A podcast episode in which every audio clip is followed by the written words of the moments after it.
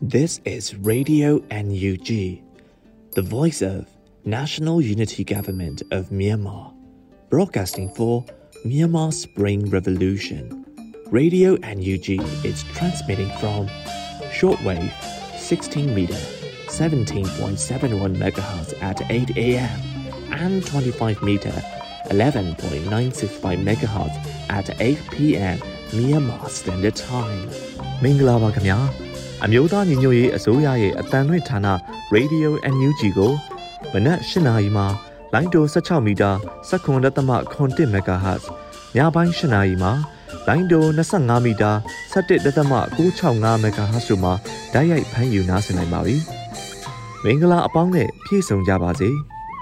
အခုချိန်ကစပြီး Radio NUG အစီအစဉ်တွေကိုဓာတ်ရိုက်အတန်လွှင့်ပေးနေပါပြီ။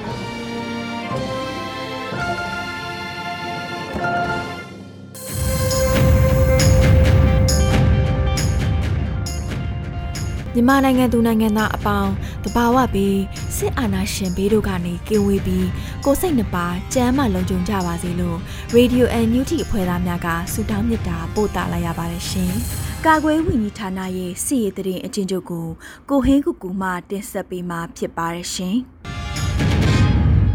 စစ်ကောင်စီနဲ့တိုက်ပွဲဖြစ်ပွားမှုသတင်းများအနေနဲ့ချင်းပြည်နယ်မှာဒီဇင်ဘာ9ရက်နေ့မနက်9:00နာရီခန့်ကကံပလက်နဲ့စောမြို့နယ်ကြား ပါကွန်းကျေးရွာနီးမှာ စစ်ကောင်စီနဲ့ CDF တပ်ဖွဲ့ကြား ထိတွေ့တိုက်ပွဲ ၃ နာရီကြာဖြစ်ပွားခဲ့ပြီး စစ်ကောင်စီတပ်သား9ဦးသေဆုံးက6ဦး ဒဏ်ရာရခဲ့ပါတယ်။စကိုင်းတိုင်းမှာ ဒီဇင်ဘာ10ရက်နေ့ မနက်9နာရီခန့်ကတပ်ပြင်းမြို့နယ် စိုင်ပြင်မြို့ ရဲစခန်းရှိရှိ စစ်ကောင်စီကင်းကိုဂလုံတက်တော်မှ တိုက်ခိုက်ခဲ့ပြီး စစ်ကောင်စီတပ်သား9ဦးသေဆုံးခဲ့ပါတယ်။ဒီဇင်ဘာ9ရက်နေ့ ညနေ6:45မိနစ်ခန့်က ပင်လယ်ဘူးမြို့နယ်ရှိ စစ်ကောင်စီတပ်များစခန်းချနေထိုင်ရာမြို့လယ်အာကာခမ်းမှနောက်ပိုင်းနဲ့ရဲစခန်းဘက်ခြမ်းအဆောင်များသို့ပင်လယ်ဘူးဒေသကာကွယ်ရေးတပ်ဖွဲ့မှပစ်ခတ်တိုက်ခိုက်ခဲ့ပါတယ်။ဒီဇင်ဘာ9ရက်နေ့နေ့လယ်3နာရီခွဲခန့်ကရွှေဘိုမြို့နယ်တဲ့သီးတော်ချောင်းတစ်ဖက်ကမ်းသို့စစ်ကောင်စီများစစ်ကြောင်းထိုးလာရာဒေသကာကွယ်ရေးတပ်များမှစောင့်ကြိုတိုက်ခိုက်ခဲ့ပြီးမတော်တဆမှုကြောင့်ပြည်သူ့ကာကွယ်ရေးတပ်သားတဦးသေဆုံးခဲ့ပါတယ်။ ဒီဇင်ဘာ9ရက်နေ့ညနေ9:20ခန်းကကသာမြို့နယ်နဲ့ထီးချိုင်မြို့နယ်ကြားတောင်ကျောတနေရာမှာစစ်ကောင်စီနဲ့ပြည်သူ့ကာကွယ်ရေးတပ်များတိုက်ပွဲ၃ကြိမ်ဖြစ်ပွားခဲ့ပါတယ်။ဒီဇင်ဘာ9ရက်နေ့ညနေ4နာရီခွဲကမုံရမလာတဲ့စစ်ကောင်စီကားကြီး၃စီးပါရှင်တန်းကိုအလုံး3000ကျွန်းအနီးမှာဒေသကာကွယ်ရေးများမှမိုင်းဆွဲတိုက်ခိုက်ခဲ့ပါတယ်။ စစ်ကောင်စီများရန်တမ်းပစ်ခတ်မှုကြောင့် ဒေသခံအမျိုးသားတဦး အခြေအနေမသိရနဲ့ အမျိုးသမီးတဦး ပခုံးရှက်ထိ ဒဏ်ရာရရှိခဲ့ပါတယ်။မကွေးတိုင်းမှာ ဒီဇင်ဘာ10ရက်နေ့ နေ့လယ်2နာရီခန့်ကတရက်ခရိုင် ကံမမြို့နယ်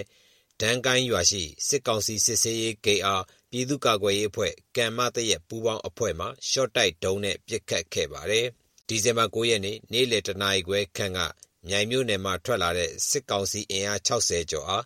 မင်းသားကျရွာအထွက်မှာ ပြည်သူ့ကာကွယ်ရေးတပ်မတော် PRA မြိုင် MVRF နဲ့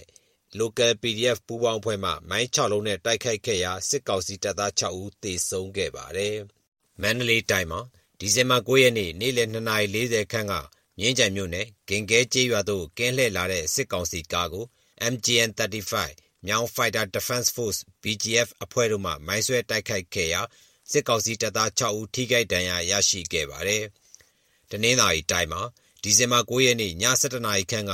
လောင်လုံးမြို့နယ်အင်းဆောက်ရွာမှာပြူစောထီးများနဲ့တဝဲခရိုင်ပြည်သူ့ကာကွယ်ရေးပူးပေါင်းတပ်တို့ကြားမိနစ်30ခန့်တိုက်ပွဲဖြစ်ပွားခဲ့ရာပြူစောထီး3ဦးသေဆုံးခဲ့ပြီး3ဦးတက်မင်းဒဏ်ရာရခဲ့ပါတယ်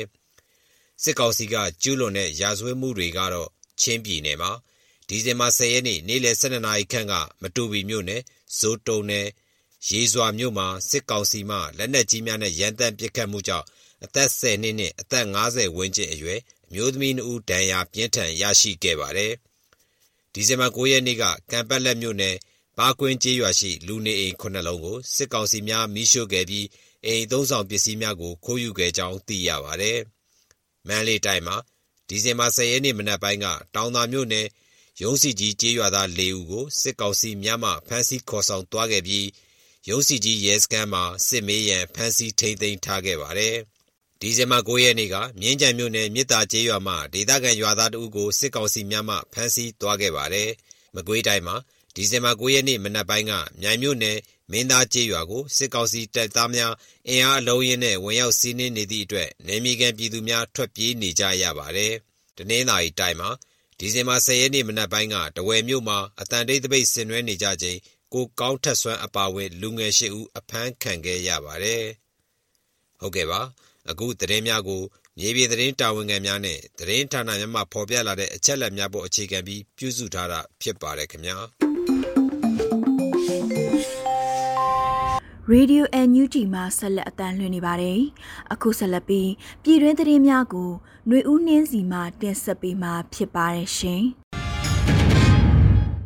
အခုချိန်ကစပြီးနောက်ဆုံးရပြည်တွင်းသတင်းများကိုဖတ်ကြားပါတော့မယ်။ဤသတင်းများကို Radio UNG သတင်းတာဝန်ခံများနဲ့ခိုင်လုံသောမိဖက်သတင်းရင်းမြစ်များစီမှအခြေခံတင်ပြထားခြင်းဖြစ်ပါတယ်ရှင်။ခေတ်အဆက်ဆက်မြန်မာစစ်တပ်ဟာပြစ်ဒဏ်ကင်းလွတ်ခွင့်ရနေတာကိုအဆုံးသတ်ရမယ်လို့အမေရိကန်ကပြောကြားလိုက်ပါတယ်။အမေရိကန်နိုင်ငံခြားရေးဝန်ကြီးဌာနပြောရေးဆိုခွင့်ရှိသူ Ned Price ကဒီဇင်ဘာလ10ရက်နေ့မှာအခုလိုပဲပွပွလင်းလင်းပြောဆိုလိုက်တာပါ။ ဘာလို့လို့အပြစ်ဒဏ်မခံစားရသည့် အဖွဲ့အစည်းပမာအစဉ်အလာဖြစ်နေတာကို အဆုံးသတ်ဖို့ Ned Price က ဆိုလိုခြင်း ဖြစ်ပါတယ်။စစ်တပ်၏ကြဲကြဲပြန့်ပြန့်နှင့် ကြောက်မက်ဖွယ်ရာ ရက်ဆက်သော အကြမ်းဖက်မှုက စစ်တပ်တာဝန်ရှိသူများကို တာဝန်ယူမှု တာဝန်ခံမှုရှိစေ၍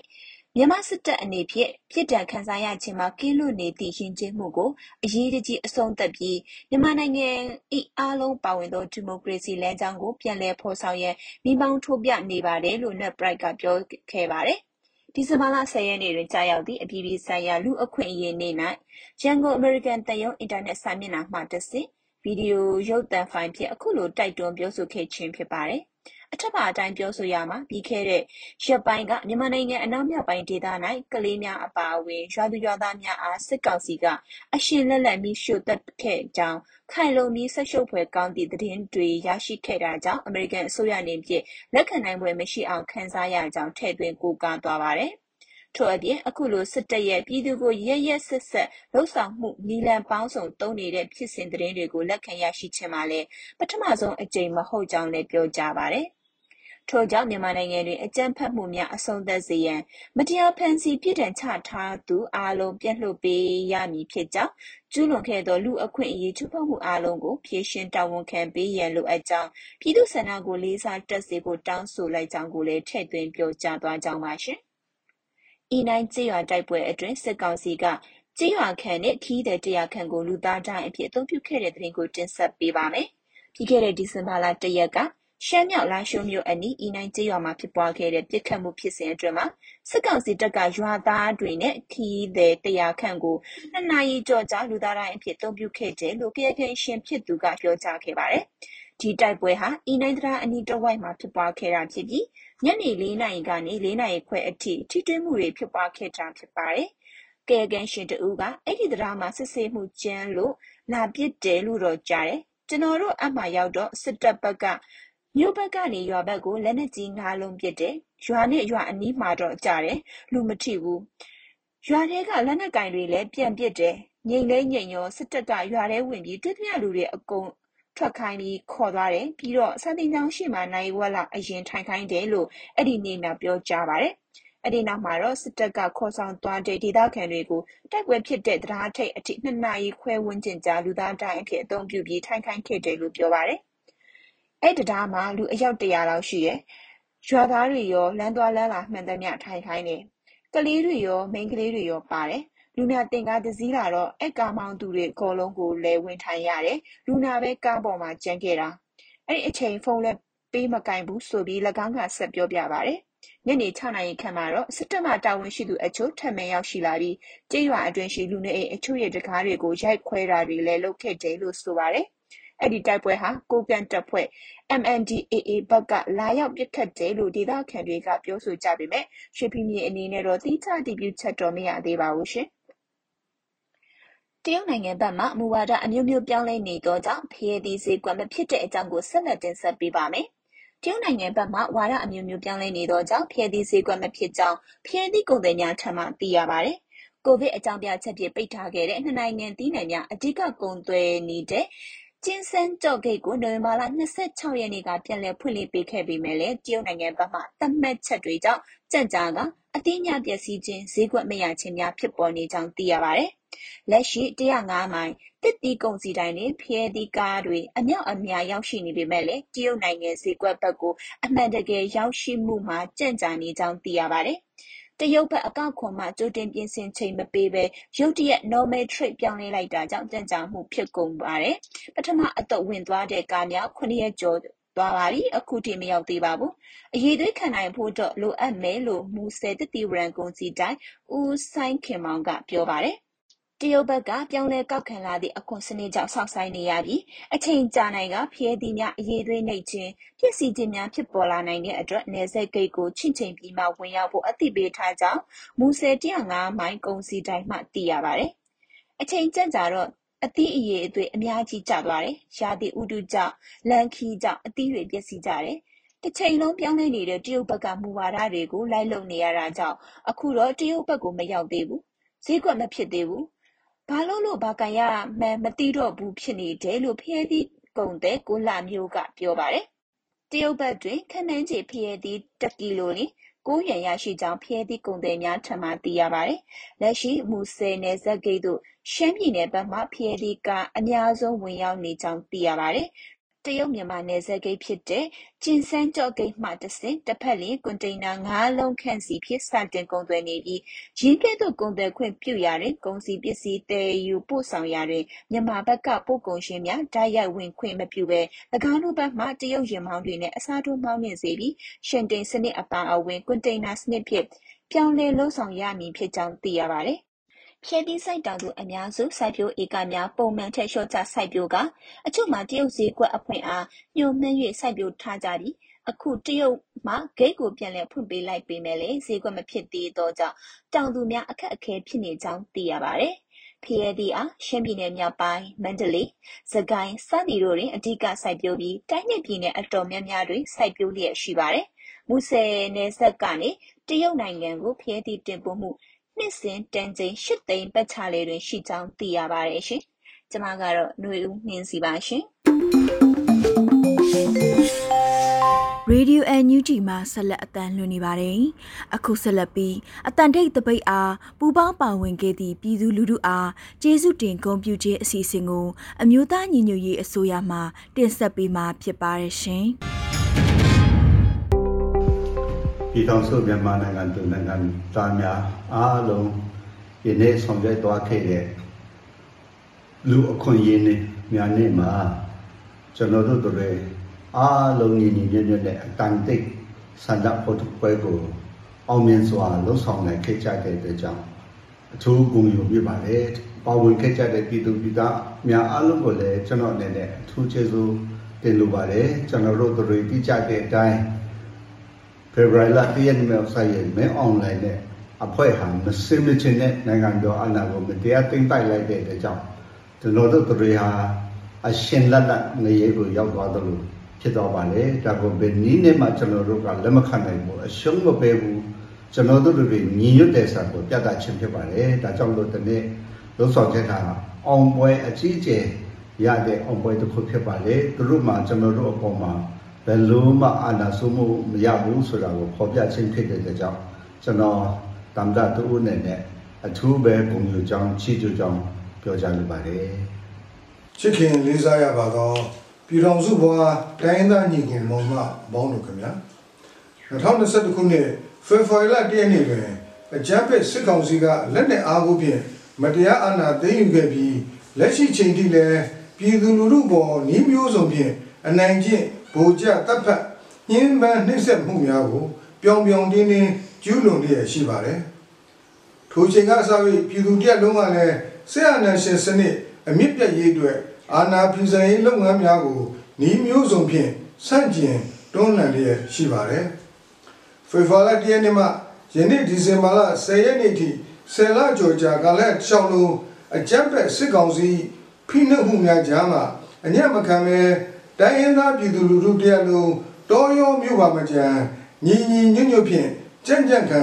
ခုခံတွန်းလှန်လျက်ရှိကြသည့်ပေါ်ကျွန်တော်တို့မျိုးသားညီညွတ်ရေးဆိုအဖွဲ့နေဖြင့်လိုက်လိုက်လဲလဲလေးစားဂုဏ်ပြုအပ်ပါကြောင်းပြောကြားလိုပါတယ်ယခုကဲ့သို့ပြည်သူတော်လှန်ရေးကြီးစင်တဲ့တွင်စင်ကာလတွင်တိုင်းရင်းသားပြည်သူတရက်လုံး၏ညွညွတ်သောစိတ်ဆန္ဒဆွေထက်သန်ပြည့်ပြသောယုံကြည်ချက်ခိုင်မာသောတန်ဋိဌာန်များဖြင့် ဆရာနာရှင်စန့်ကျင်တွန်းလှန်ရေးလှုပ်ရှားမှုကြီးတွင်ပူးပေါင်းပါဝင်နေကြခြင်းသည်အရေးတော်ပုံကြီးအောင်မြင်ရေးနှင့် Federal Democracy နိုင်ငံတော်တည်ကြည်ဖြစ်ထွန်းပေါ်ပေါက်ရေးအတွက်အလွန်အရေးကြီးသည့်အခမ်းအနားဖြစ်ကြောင်းအသိပေးလိုပါတယ်။အထူးသဖြင့်ယနေ့ကြောက်သောကမ္ဘာလူခွင့်ရေးနေ့တွင်မြန်မာနိုင်ငံတွင်းလုံးမှာတိုင်းရင်းသားပြည်သူတရက်လုံးကဆရာနာရှင်များ၏ချင်းချောက်မှုကိုအန်တုကတိတ်ဆိတ်ခြင်းတပိတ် silent strike ကိုဆင်နွှဲပြီး ဆရာနာရှင်စန့်ကျင်ရေးတွင်တသွေးတသားလီညီညီညွတ်ညွတ်ရက်တည်ရဲ့ရှင်းကြောင်းပြသခဲ့သည့်ပေါ်ကျွန်တော်ပါဝင်အမျိုးသားညီညွတ်ရေးအစိုးရဖွဲ့တရက်လုံးက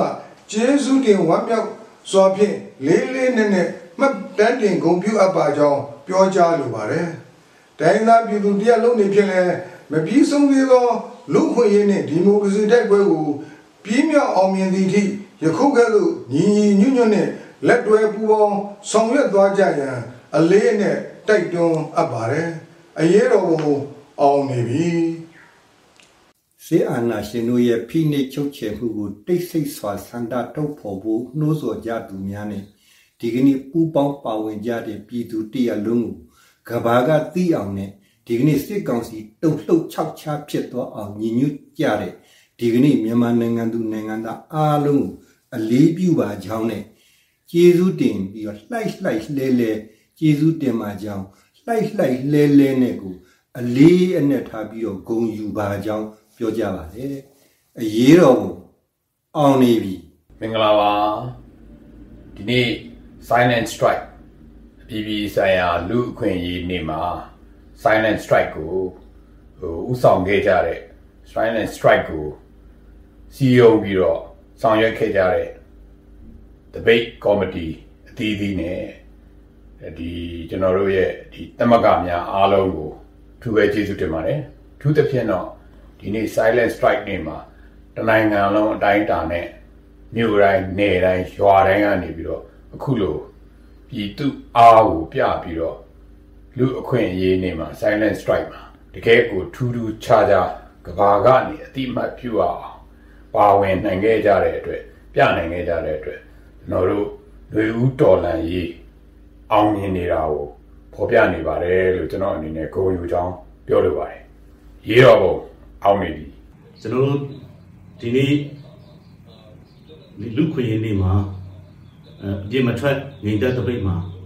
ညီညီညွတ်ညွတ်နဲ့ပါဝင်ဆင်နွှဲခဲ့ကြတဲ့ကျွန်တော်တို့နိုင်ငံသူနိုင်ငံသားအားလုံးရဲ့ညီညွတ်မှုကိုအထူးပဲလေးစားကုန်မိပါတယ်။ကမ္ဘာကြီးကိုလည်းပဲ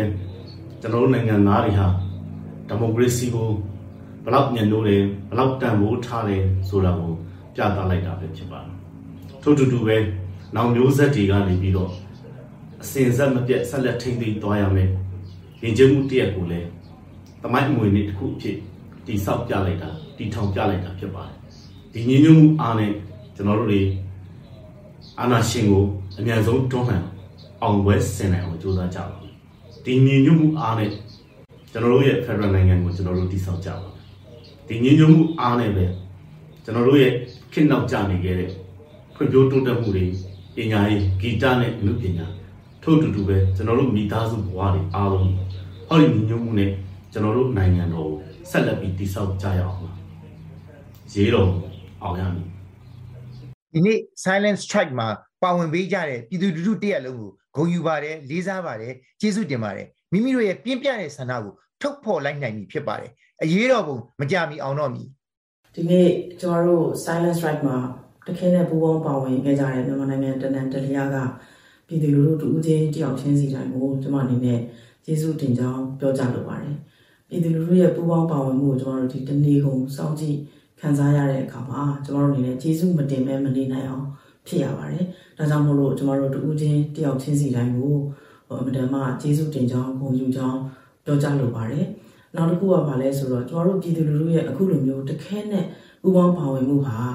နော်နိုင်ငံတကာရောကမ္ဘာရောကျွန်တော်တို့ပြည်သူလူထုဟာဒီမိုကရေစီအရေးလူ့ခွင့်ရေးတွေနဲ့ဘယ်လောက်ထိုက်တန်ကြောင်းပြပြသလိုက်တာလည်းဖြစ်ပါတယ်တစ်ဖက်မှာဆိုလို့ရှိရင်အာဏာသိမ်းထားတဲ့စစ်ကောင်စီဟာဆယ်လကျော်တဲ့အထိ ပြည်သူလူထုရဲ့အာခံမှုခုခံမှုတွေကိုရင်ဆိုင်နေရပြီးလုံးဝအုပ်ချုပ်ခွင့်မရစေရဆိုတဲ့ message သတင်းစကားကိုထပ်မံပေးရလိုက်တာပဲဖြစ်ပါတယ်ဒါကြောင့်မို့လို့ကျမတို့ရဲ့စူးစီးညီညွတ်မှုအင်အားကိုငြိမ်းချမ်းစွာနဲ့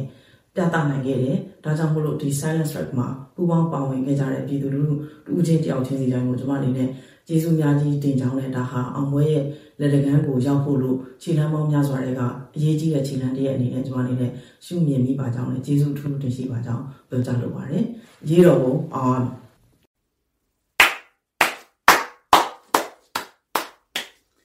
ပြည်သူများအတွက်လက်ခုပ်တံဖြစ်ပါတယ်ဒီလက်ခုပ်တံကတော့အပြည်ပြည်ဆိုင်ရာလူခွင့်များနေ့ဒီဇင်ဘာလ10ရက်နေ့ရဲ့မနေ့10နိုင်ကနေညနေ4နာရီထိတိတ်ဆိတ်တပိတ်စိတ်ငြိမ်တပိတ်စတဲ့တပိတ် ရဲ့အင်အားကြီးတဲ့အခန်းကဏ္ဍမှာအသီးသီးပါဝင်ကြတဲ့ပြည်သူများကိုလေးစားဂုဏ်ပြုစွာဖြင့်တီးလိုက်တဲ့လက်ခုပ်တံပဲဖြစ်ပါတယ်။တစ်ချိန်တည်းမှာပဲဒီလက်ခုပ်တံဟာတိုင်းပြည်ရဲ့အာဏာကိုအာဏာသိမ်းဖို့ကြိုးစားရင်းပြည်သူပြည်သားတွေအားလုံးကိုအကြမ်းဖက်ဖြိုခွင်းဖို့အတွက်လှုပ်ဆောင်ပြီးတော့တကယ်တမ်းစိတ်လက်တုံလုံးခြောက်ချားနေတဲ့အကြမ်းဖက်စစ်ကောင်စီကိုနောက်ထပ်ထပ်ပြီးတော့ချင်းချောက်လိုက်တဲ့အတမဖြစ်ပါတယ် ပြည်သူတွေရဲ့အင်အားနဲ့ကျွန်တော်တို့အောင်မြင်စွာဆင်နွှဲနိုင်ခဲ့ပါတယ်အတန်အကျယ်ဆုံးဖြစ်တဲ့တိတ်ဆိတ်ငြိမ်သက်မှုအတန်ကိုအကြမ်းဖက်စစ်ကောင်စီအနေနဲ့ရရှိသွားပြီဖြစ်ပါတယ်တစ်ချိန်တည်းမှာပဲအခုချိန်ထိဆက်လက်ပြီးတိုက်ပွဲဝင်နေကြတဲ့ပြည်သူလူထုရဲ့မပြီးဆုံးသေးသောတိုက်ပွဲခေါ်တံကိုတကဘာလုံးကလည်းအတိမတ်ပြုပြီးသားဖြစ်သွားပါတယ်။ဒါကြောင့်မလို့အောင်မြင်တဲ့အတိတ်အောင်မြင်တဲ့နမိတ် ဖြစ်တဲ့လက်ခုပ်တံနဲ့ကြိုဆိုလိုက်သလိုနောက်ထပ်စစ်အာဏာရှင်မပြုတ်မချင်းဆက်လက်လှုပ်ဆောင်သွားကြမယ်။ဤပေါင်းစုံနဲ့ဆန့်ကျင်မှုတွေတော်လှန်မှုတွေမှာလည်းဆက်လက်ပါဝင်ပေးကြပါလို့တိုက်တွန်းလိုပါတယ်ခင်ဗျာ။အားလုံးကိုကျေးဇူးတင်ပါတယ်လေးစားပါတယ်ဂုဏ်ယူပါတယ်အရေးတော်ပုံအောင်ရမည်ဒီကနေ့ကြာရောက်တဲ့ပြည်ပြည်ဆိုင်ရာလူခွင့်ရေးနေ့မှာကျွန်တော်တို့မြန်မာနိုင်ငံမှာနေထိုင်ကြတဲ့တိုင်းရင်းသားလူမျိုးပေါင်းစုံ ပြည်သူလူထုကနေပြီးတော့စိတ်သုံးနေတဲ့လူခွင့်ရေးတော်လှန်ရေးနဲ့တိုက်ဖက်ကြဆိုတဲ့အတိုင်းတိတ်ဆိတ်ခြင်းငြိမ်သက်ခြင်းနဲ့မိမိတို့ရဲ့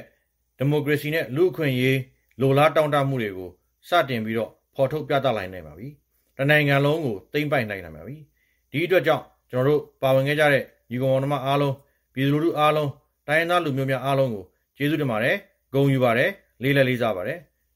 ရေးတော်ပုံအောင်ရမည် ဒီနေ့အပြည်ပြည်ဆိုင်ရာလူခွင့်ရေးနေ့မှာတိတ်ဆိတ်ငြိမ်သက်ခြင်းနဲ့ပါဝင်ကြတဲ့မြန်မာနိုင်ငံမှာပြည်သူ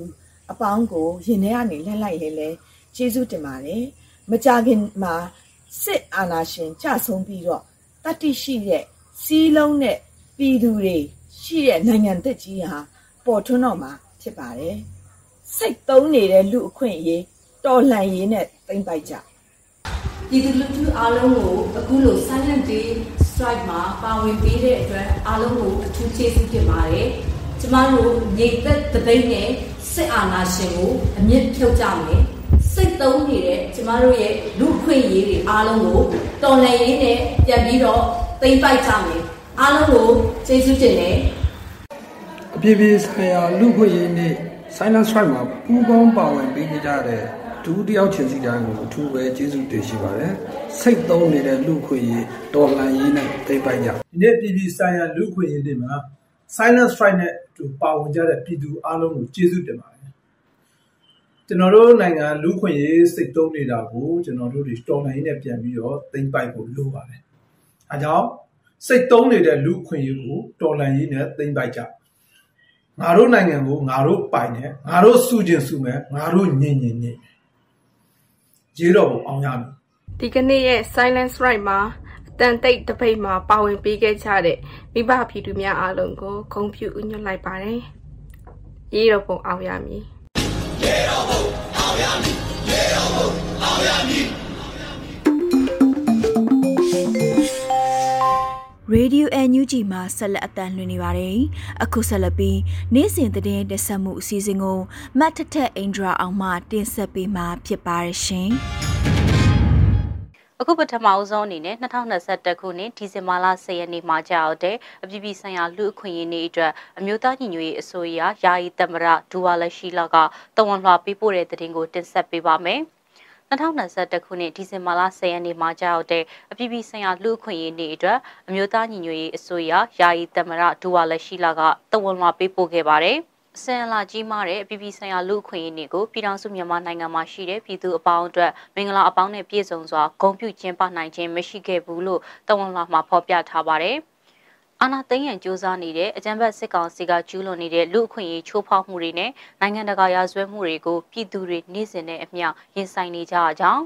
တိုင်းပြည်ကိုလက်နက်အားကိုနဲ့အကြမ်းဖက်အုပ်ချုပ်လိုတဲ့အကြမ်းဖက်စစ်ကောင်စီကြောင့်2021ခုနှစ်ဖေဖော်ဝါရီလကနေဒီဇင်ဘာလ10ရက်နေ့အထိအပြစ်မဲ့ပြည်သူ1323ဦးကြာဆုံးခဲ့ပြီးဥပဒေမဲ့ဖမ်းဆီးမှုကြောင့်ထောင်နဲ့ချီတဲ့ပြည်သူတွေချုပ်နှောင်ခံနေရဆဲဖြစ်ကြောင်းပြောကြားခဲ့ပါတယ်။ မကြမီကဖြစ်ပျက်ခဲ့တဲ့ရန်ကုန်မြို့ကြည်မြင့်နိုင်မြို့နယ်မှာငင်းညမ်းစွာဆန္ဒပြတဲ့လူငယ်တွေကိုကားနဲ့တိုက်တက်ခဲ့တဲ့အကြမ်းဖက်လုပ်ရက်နဲ့စကိုင်းတိုင်းစလင်းကြီးမြို့နယ်မှာအပြစ်မဲ့ပြည်သူ၁၁ဦးကိုအရှင်လက်လက်မိရှို့တပ်ဖြတ်ခဲ့တဲ့လူမဆန်တဲ့လုပ်ရက်အပြင်မြို့လုံးကျွမီးလောင်တိုက်သွင်းဖျက်ဆီးခဲ့တဲ့လုပ်ရက်တွေအလုံးဟာလူသားစိတ်ကင်းမဲ့ပြီးသွေးစာနေတဲ့အကြမ်းဖက်လုပ်ရက်တွေအထိကျူးလွန်နေတာကိုတက်တည်ပြနေကြောင်းပါဝင်ပါတယ်။ လူအခွင့်အရေးကိုလေးစားတန်ဖိုးထားတဲ့ပြည်သူတွေရဲ့ခိုင်မာတဲ့ဆုံးဖြတ်ချက်တွေနဲ့လေးစားလောက်တဲ့ရဲရင်မှုတွေကိုအကြမ်းဖက်စစ်ကောင်စီအနေနဲ့မတားဆီးနိုင်ဘူးလို့ယာယီသမရကြီးကပြောပါတယ်။ပြည်သူတွေအနေနဲ့လည်းຫນွေဥတော်လှန်ရေးတိုက်ပွဲဝင်ကာလအလွန် အနာဂတ်ဖက်ဒရယ်ပြည်ထောင်စုမှာပါအခုနှစ်လူအခွင့်အရေးဆောင်ပုံမှာဖော်ပြထားသလိုဒန်းတူညီမျှခြင်းမတူညီမှုများကိုရှော့ချလို့လူအခွင့်အရေးကိုမြင့်တင်ဆိုးဆိုတဲ့အတိုင်းဆက်လက်ကျင့်သုံးပြီးအကြမ်းဖက်စစ်ကောင်စီကိုတွန်းလှန်သွားကြဖို့ယာယီနိုင်ငံတော်သမ္မတကြီးပေးပို့တဲ့တဝန်လှတဲ့မှာတိုက်တွန်းထားတာကိုတွေ့ရပါတယ်။ဆက်လက်ပြီးဒီဇင်ဘာလ10ရက်နေ့အပြည်ပြည်ဆိုင်ရာလူအခွင့်အရေးနေ့အထိမ်းအမှတ်အမျိုးသားညီညွတ်ရေးအစိုးရကကြေညာချက်တရက်ထုတ်ပြန်လိုက်တဲ့သတင်းကိုတင်ဆက်ပေးပါမယ်။ ဒီကနေ့ဒီဇင်ဘာလ10ရက်နေ့အပြည်ပြည်ဆိုင်ရာလူအခွင့်အရေးနေ့မှာအမျိုးသားညီညွတ်ရေးအစိုးရကကြေညာချက်တရက်ထုတ်ပြန်လိုက်ပါတယ်။2021ခုနှစ်ຫນွေဦးတော်လှန်ရေးဟာမြန်မာနိုင်ငံတမိုင်းတလျှောက်မှာတည်ရှိခဲ့တဲ့မမျှတမှုတွေကိုအပိတိုင်ဖြည့်ရှင်းကျော်လွှားပြီးပြည်သူအလုံးရဲ့လူအခွင့်အရေးနဲ့လူကုန်သိက္ခာကိုအာမခံနိုင်မယ်လွတ်လပ်ခြင်းဒဏ်ဥညီမျှခြင်းနဲ့အတူတရားမျှတခြင်းပြေဝတဲ့ Federal Democracy နိုင်ငံသစ်ကိုတည်ဆောက်နိုင်ဖို့မျှော်လင့်တဲ့တော်လှန်ရေးဖြစ်ပြီးတော့ ဒီလို Federal Democracy နိုင်ငံသစ်ကိုထူထောင်နိုင်ဖို့အတွက်အရေးအကြီးဆုံးအချက်ကနိုင်ငံတကာရာဇဝတ်မှုနဲ့အကြမ်းဖက်လုပ်ရက်တွေကိုစနစ်တကျကြည်ကြည်ပြန့်ပြန့်ကျူးလွန်နေတဲ့အကြမ်းဖက်စစ်အုပ်စုကိုဖယ်ရှားနိုင်ဖို့ဖြစ်တယ်လို့ဆိုပါတယ်။မြန်မာပြည်သူတွေကလည်းအကြမ်းဖက်စစ်အုပ်စုကိုနှီးပေါင်းစုံနဲ့စန့်ကျင်နေကြတာဖြစ်ပြီးအမျိုးသားညီညွတ်ရေးအစိုးရအနေနဲ့အလွန်လေးစားဂုဏ်ယူမိကြောင်းပြောကြားလိုကြောင်း အခုနှစ်ကြာရောက်တဲ့တော်လှန်သောလူအခွင့်အရေးနေ့မှာမြန်မာနိုင်ငံလူအခွင့်အရေးအတွက်နှီးပေါင်းဆောင်ကတိုက်ပွဲဝင်နေကြတဲ့တက်ကြွလှုပ်ရှားသူတွေရဲ့ကြွေးကြော်သံစိတ်သုံးနေတဲ့လူအခွင့်အရေးတော်လှန်ရေးနဲ့တိမ့်ပိုက်ကြဆိုတဲ့အတိုင်းမတရားလူယူခံခဲ့ရတဲ့လူအခွင့်အရေးတွေကိုတော်လှန်ရေးအသွင်အမျိုးမျိုးဆင်နွှဲပြီးပြန်လည်အရယူရန်လိုအပ်လာပြီးဖြစ်ကြောင်းတို့ကိုလည်းရေးသားဖော်ပြထားပါတယ်။ ပြည်သူလူထုရဲ့ရဲရဲနဲ့တိုက်ပွဲဝင်မှုတွေနဲ့အတူအပြစ်မဲ့ပြည်သူတွေပေါ်ကျူးလွန်တဲ့အကြမ်းဖက်ဆဲဆူရဲ့ဆိုးရွားလာတဲ့လူအခွင့်အရေးချိုးဖောက်မှုနိုင်ငံတကာရာဇဝတ်မှုကျူးလွန်မှုတွေနဲ့ပတ်သက်ပြီးတရားမျှတမှုကိုဖော်ဆောင်နိုင်ဖို့မိမိတို့အမျိုးသားညီညွတ်ရေးအစိုးရကအပတ်တကုတ်စ조사သွားမှာဖြစ်ပြီးဒီလိုအကြီးတန်းတဲ့ဖြစ်ရဆိုးတွေနောက်နောက်မပေါ်ပေါက်ရေးအတွက်လည်းဥတီလှုပ်ဆောင်သွားမယ်လို့ကတိပြုထားတာတွေ့ရပါတယ်။ ဒီနေ့နေဒူးရီမြစ်မှာဆရာနာရှင်ကိုတွန်းလှန်အဆန့်ကျင်နေကြတဲ့မြန်မာပြည်သူများရဲ့လူအခွင့်အရေးပေါ်တန်ဖိုးထားမှုမိမိနဲ့တခြားသူတွေရဲ့လူအခွင့်အရေးမဆုံးရှုံးစေရန်အတွက်အဆုံးထိခုခံတွန်းလှန်နေမှုများကိုအလေးအနက်မှတ်တမ်းတင်တယ်လို့လည်းဆိုပါတယ်။ ပြည်သူတွေဟာလွတ်လပ်ခြင်းဒန်းတူညီမျှခြင်းနဲ့တရားမျှတခြင်းတို့ကိုခံစားဖို့ထိုက်တန်တာထပ်ပိုပြီးထိုက်တန်လာကြောင်းအမျိုးသားညီညွတ်ရေးအစိုးရအနေနဲ့မိမိတို့တော်လှန်ရေးတာဝန်တွေကိုဥလည်မတုံထမ်းရွက်ပြီးထိုတန်ဖိုးစံနှုန်းတွေကိုအာမခံနိုင်တဲ့နိုင်ငံတော်တရက်ကိုတည်ထောင်ဖို့ကြိုးပမ်းသွားမယ်လို့တန်တိတ်ထံပြုထားတာကိုလည်းတွေ့ရပါတယ်ရှင်။ဒီကနေ့ကတော့ဒီညနေပဲ Radio NUG ရဲ့အစီအစဉ်တွေကိုခਿੱတရရနာလိုက်ပါမယ်။မြန်မာစံတော်ချိန်မနက်၈နာရီနဲ့ညနေ၈နာရီအချိန်တွေမှာ ပြန်လည်ဆုံတွေ့ကြပါစို့ Radio NUG ကိုမနက်၈နာရီမှာလိုင်းတို16မီတာ7.3 MHz ညပိုင်း၈နာရီမှာလိုင်းတို25မီတာ17.665 MHz တို့မှာဓာတ်ရိုက်ဖမ်းယူနားဆင်နိုင်ပါပြီမြန်မာနိုင်ငံသူနိုင်ငံသားများကိုစိတ်နှပြရမ်းမာချမ်းသာလို့ဘေးကင်းလုံခြုံကြပါစေလို့ Radio NUG အဖွဲ့သူအဖွဲ့သားများကဆုတောင်းလိုက်ရပါတယ်အမျိုးသားညီညွတ်ရေးအစိုးရရဲ့စက်သွယ်ရေး သတင်းအချက်အလက်နဲ့ဤပညာဝန်ကြီးဌာနကထုတ်လွှင့်နေတဲ့ Radio NUG ဖြစ်ပါတယ်။ San Francisco Bay Area အခြေစိုက်မြန်မာမိသားစုများနဲ့နိုင်ငံတကာကစေတနာရှင်များလှူအားပေးများရဲ့ Radio NUG ဖြစ်ပါတယ်။အရေးတော်ပုံအောင်ရမည်။